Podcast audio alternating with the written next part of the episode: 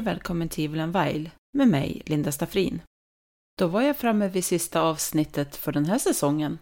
Och innan jag kör igång dagens avsnitt så vill jag faktiskt utfärda en varning. Det gör jag ju inte så ofta, men i det här avsnittet så känns det faktiskt befogat då det förekommer sexuella övergrepp mot barn. Men med det sagt så kör jag igång.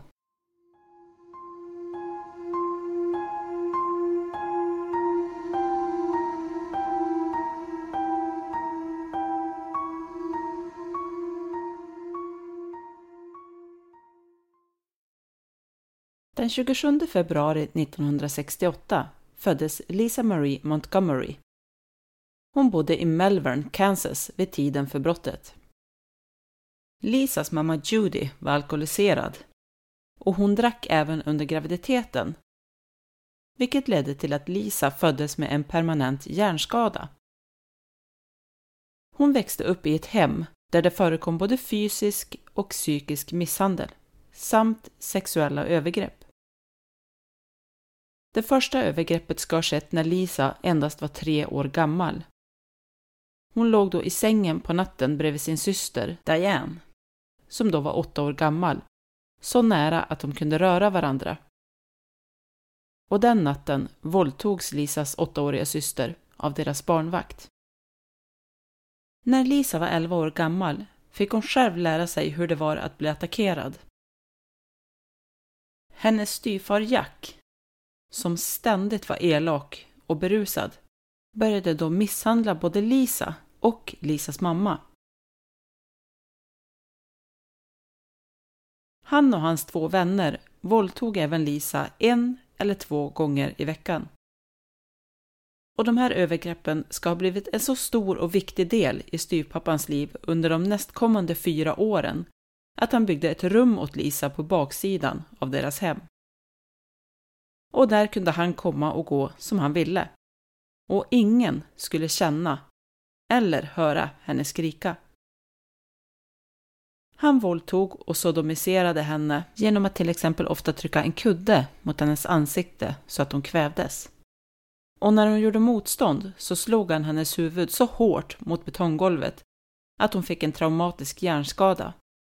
Något som senare bevisades på MRT-röntgen av hennes hjärna. Lisa sökte mental flykt genom att börja dricka alkohol. När Lisa var 14 år gammal upptäckte hennes mamma övergreppen. Mamman råkade komma in i rummet medan Jack förgrep sig på Lisa. Men istället för att hjälpa sin dotter reagerade mamman med att hämta en pistol som hon sedan hotade sin dotter med genom att hålla upp den mot Lisas huvud och skrika åt henne. Hur kunde du göra så här mot mig? Och med tiden så utökade övergreppen och styvpappans vänner fick som sagt också delta, så att de tillsammans kunde gruppvåldta Lisa i rummet bakom huset. Och de här övergreppen kunde pågå i timmar och slutade ofta med att männen kissade på henne, som om hon vore skräp. Lisas mamma var också med och sålde Lisas kropp till rörmokaren och elektrikern, när helst hon behövde få in extra pengar. När Lisa var 18 år gifte hon sig med sin styvbror och han fortsatte att våldta och misshandla Lisa. Ibland med flaskor och ibland filmade han även det hela. Hon gifte sig även en andra gång, men båda äktenskapen resulterade i ytterligare övergrepp. Lisa hann få fyra barn innan hon genomgick en sterilisering. Hon hävdade dock felaktigt att hon var gravid flera gånger efter ingreppet. Och vid tiden för gripandet så spekulerades det om Lisas motivation kunde kopplas till ett missfall hon kan ha haft. Ytterligare spekulationer angående hennes motiv kan ha varit att hennes tidigare make ska ha planerat att avslöja att Lisa hade ljugit om att hon var gravid i ett försök att få vårdnaden om sina barn.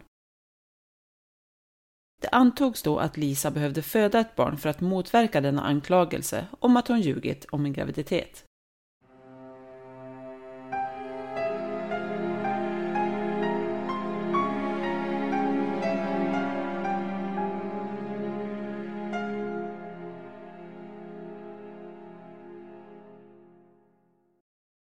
Den 4 december 1981 föds en liten flicka som fick namnet Bobby Joe Stinette. Hon tog examen från Norway Holt High School i Graham, Missouri år 2000. Bobby Joe och hennes man drev tillsammans en hundkennel från deras hem i Skidmore. I december 2004 var hon 24 år och gravid i åttonde månaden med sitt första barn. Bobby Joe och Lisa hade träffats genom hundutställningar och hade pågående interaktioner i ett online chattrum för Rat Terrier som heter Ratter Chatter. Bobby Joe berättade för Lisa att hon var gravid, vilket ledde till att de två kvinnorna chattade med varandra online och de utbytte även sina e-postadresser med varandra. Den 16 december 2004 reste Lisa, då 36 år gammal, från sitt hem i Kansas till den lilla staden Skidmore för att träffa Bobby Joe. När hon kom fram gick Lisa in i huset och ströp Bobby Joe till döds med ett rep. Sedan skar Lisa upp Bobby Joes mage med en kökskniv och plockade ut fostret och flydde sedan från platsen med Bobby Joes spädbarn i famnen.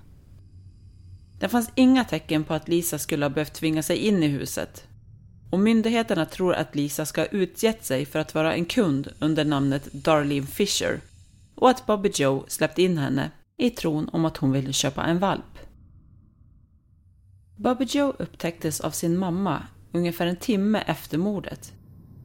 Bobby Joe låg liggandes på golvet i en stor blodpöl.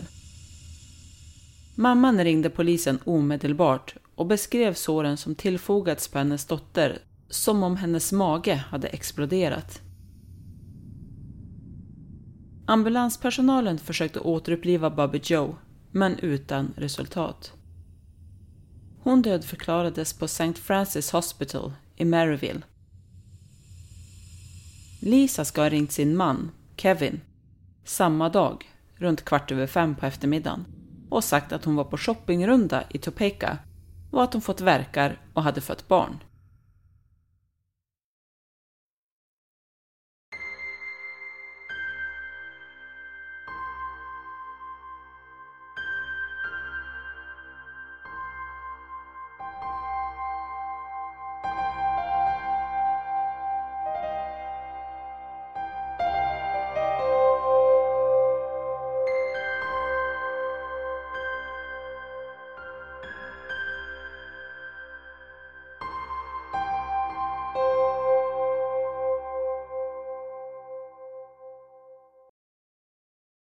Nästkommande dag, den 17 december, arresterade polisen Lisa på hennes gård i Melbourne. Ett vittne skulle senare rapportera att Lisa, morgonen innan hon greps, tog barnet, hennes man och två tonårssöner till en restaurang för frukost. Polisen hade till en början åkt till Lisas hem efter att ha spårat online-kommunikationen till hennes IP-adress i hopp om att intervjua henne som ett vittne. Och när de anlände så hittade de en bil som matchade beskrivningen av den på brottsplatsen. Och när de gick in i hemmet hittade de Lisa inne, tittandes på TV, och i famnen hade hon ett spädbarn. Lisa greps en timme senare efter att hennes berättelse föll isär och hon erkände. Det kidnappade nyfödda spädbarnet, som hon hävdade var hennes eget, återgavs snart till den rätta pappan. Den snabba återhämtningen och gripandet tillskrevs användningen av kriminaltekniska datorutredningar som spårade Lisas och Bobby Joes kommunikation online. Lisa anklagades för kidnappning som resulterade i död ett brott som fastställts av Federal Kidnapping Act 1932. För detta döms man vanligtvis till livstidsfängelse eller dödsstraff. Vid förhandlingarna vittnade en neuropsykolog att de hjärnskador Lisa fötts med på grund av hennes mammas drickande kunde ha skadat den del av hjärnan som kontrollerar aggression. Under hennes rättegång hävdade hennes försvarsadvokater att hon hade ett tillstånd som får en kvinna att tro att hon är gravid och uppvisar yttre tecken på graviditet. Alltså något slags tillstånd av skendräktighet. Två läkare gav expertvittnesmål om att Lisa led av det här tillståndet och att hon utöver det också led av depression, borderline personlighetsstörning och posttraumatiskt stresssyndrom. En av dessa läkare vittnade dock om att Lisas berättelser växlade på grund av de vanföreställningar hon hade och att läkaren därför inte kunde fastställa karaktären och kvaliteten på hennes handlande. Både den federala åklagaren och det motsatta expertvittnet, en rättspsykiatriker, höll dock inte med om att Lisa led av tillståndet som liknar skendräktighet. Den 22 oktober 2007 fann juryn Lisa skyldig och avvisade försvarets påstående om att Lisa led av vanföreställningar. Den 26 oktober rekommenderade juryn dödsdomen. Domaren dömde formellt Lisa till döden den 4 april 2008. Men frågan är ju, borde Lisa verkligen avrättas?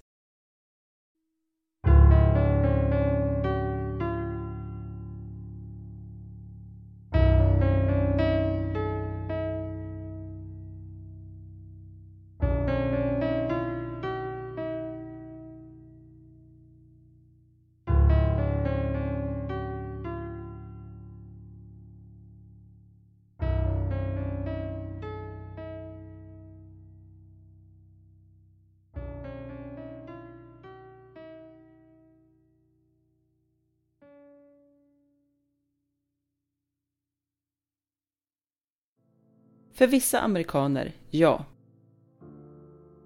Hon är skyldig till ett särskilt avskyvärt brott. Men de som har tittat djupt in i det plågsamma liv som låg bakom hennes kriminella handling ser det annorlunda.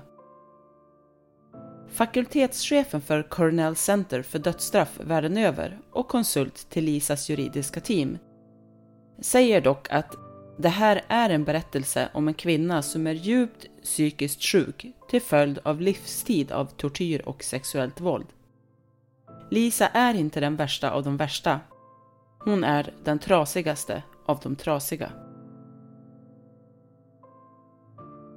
Skulle hon avrättas skulle hon komma att vara den första avrättningen av en kvinna av den amerikanska regeringen på nästan 70 år. Hon skulle vara bland de första fångarna som avrättades på mer än ett sekel.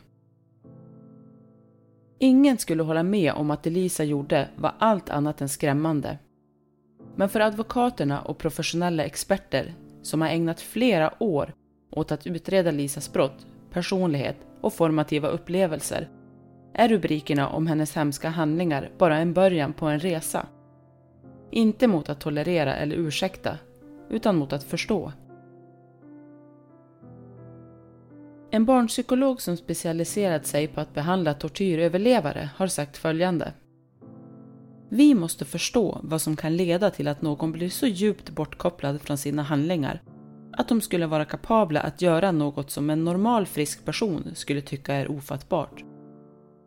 Saker som är nästan omöjliga att förstå är begripliga när man tar hänsyn till psykisk ohälsa, massiva barndomstrauman och vad det gör med barn. En del av resan mot förståelse har varit att ta ombord det otillräckliga försvar som Lisa fick under sin rättegång. Lisa representerades av en offentlig försvarsadvokat som aldrig hade haft ett så här stort fall förut och som enligt rykten ska ha velat skaffa sig berömmelse. Han har visat sig haft fler klienter som blivit dömda till döden i federal domstol än någon annan försvarsadvokat i Amerika. Lisa fick det smalaste försvaret som möjligt under sin rättegång. Bland annat den otroliga teorin om skendräktighet. Teorin stämde inte med fakta och juryn köpte den inte. Juryn var heller inte imponerade av de begränsade förmildrande bevis som lagts fram. Lisas försvarsadvokater hade åberopat några bevis på fysisk misshandel. kallade några bedrövligt förberedda vittnen och eh, ja, det var i princip allt de gjorde. Juryn fick alltså inte höra om Lisas fulla bakgrundshistoria eller om Lisas fulla traumatiska hjärnskada. Både Lisas mamma och styvfar hade vid den här tiden gått bort utan att någonsin erkänna omfattningen av dessa övergrepp trots att många familjemedlemmar har berättat om dem. Och hade all information om Lisa kommit fram i rätten så är det mycket möjligt att det hade mildrat hennes straff.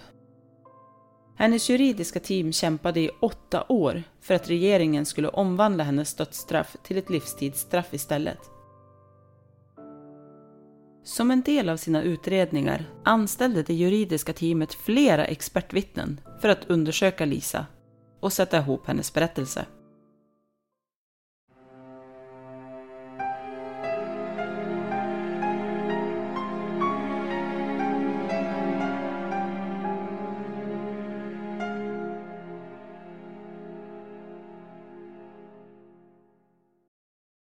2016 tillbringade en klinisk socialarbetare vid namn Janet Fogelsang flera långa dagar med att prata med Lisa.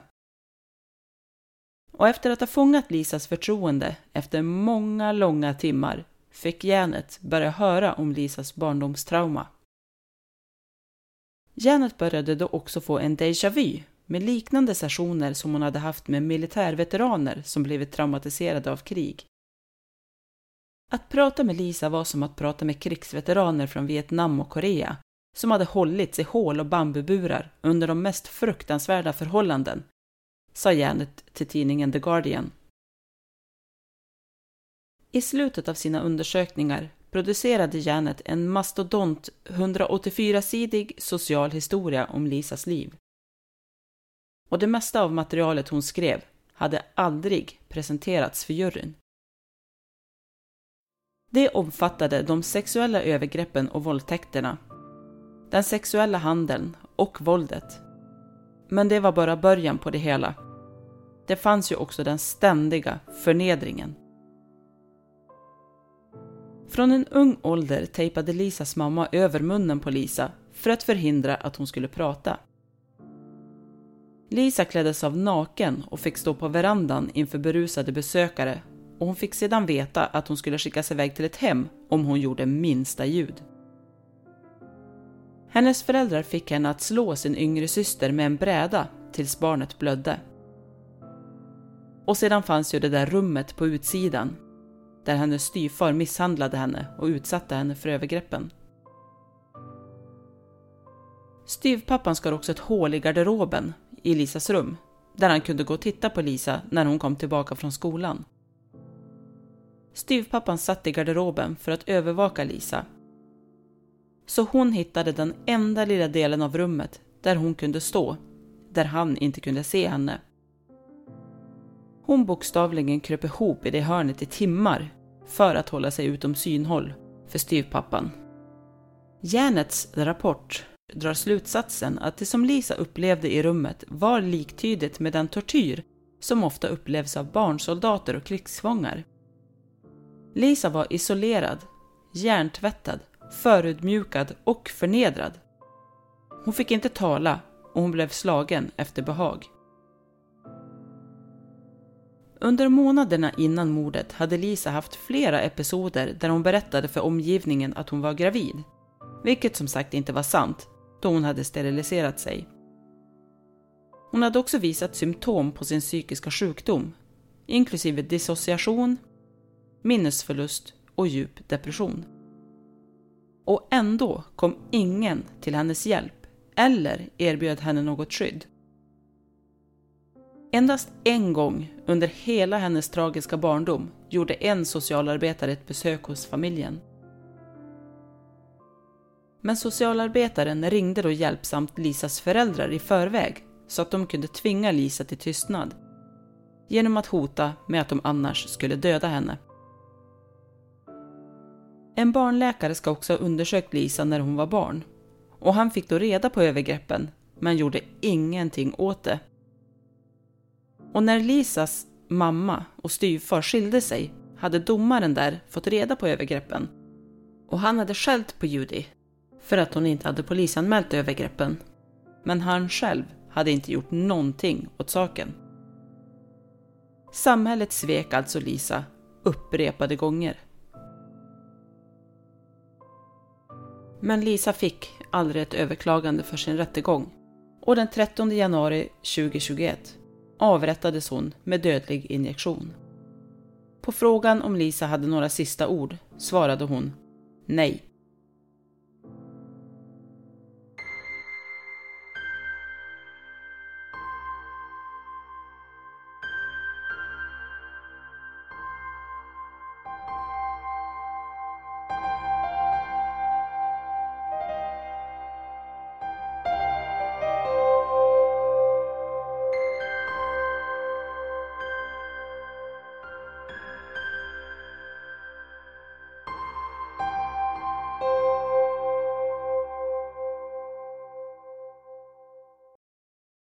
Ja, det var dagens fall. Och frågan är ju, är hon den värsta av de värsta? Eller är hon den trasigaste av de trasiga?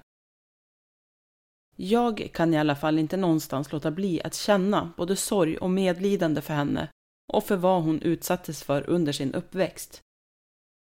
Men samtidigt är ju också hennes gärning så fruktansvärt grym. Så att, ja, jag vet inte riktigt vad jag ska tycka är rätt och fel. Vad tycker ni? Men nu, innan jag säger mitt sista hejdå för den här säsongen, så vill jag säga att ni får gärna komma med tips på fall ni vill att jag ska ta upp i säsong två i den här podden. Och ni når mig ju då enklast genom att skriva DM på antingen Instagram eller Facebook där jag heter Evil and Vile. Annars går det även bra att mejla på evilandvilepodcast.gmail.com och om ni vill hänga med mig i säsong två och inte vill missa när det är dags så rekommenderar jag er att följa mig på sociala medier. För det är där jag kommer att lägga ut när det börjar bli dags. Men det går också bra att klicka i den lilla bjällran i Spotify-appen så får ni en notering varje gång det släpps ett nytt avsnitt. Slutligen vill jag tacka alla er som har stöttat mig genom att lyssna, följa, likea, kommentera, dela och så vidare. Jag är så enormt tacksam för det. Det vill jag att ni ska veta. Och jag hoppas som sagt att ni vill hänga med mig i säsong två också. Men nu önskar jag er en trevlig Lucia, en god jul och ett gott nytt år. Hej då!